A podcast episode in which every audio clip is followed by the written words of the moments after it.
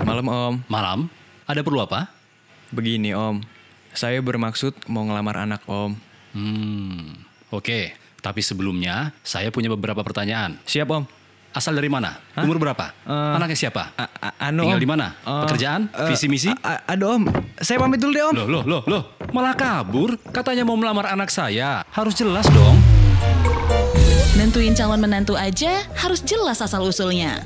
Apalagi nentuin calon pemimpin. Jangan sampai salah pilih.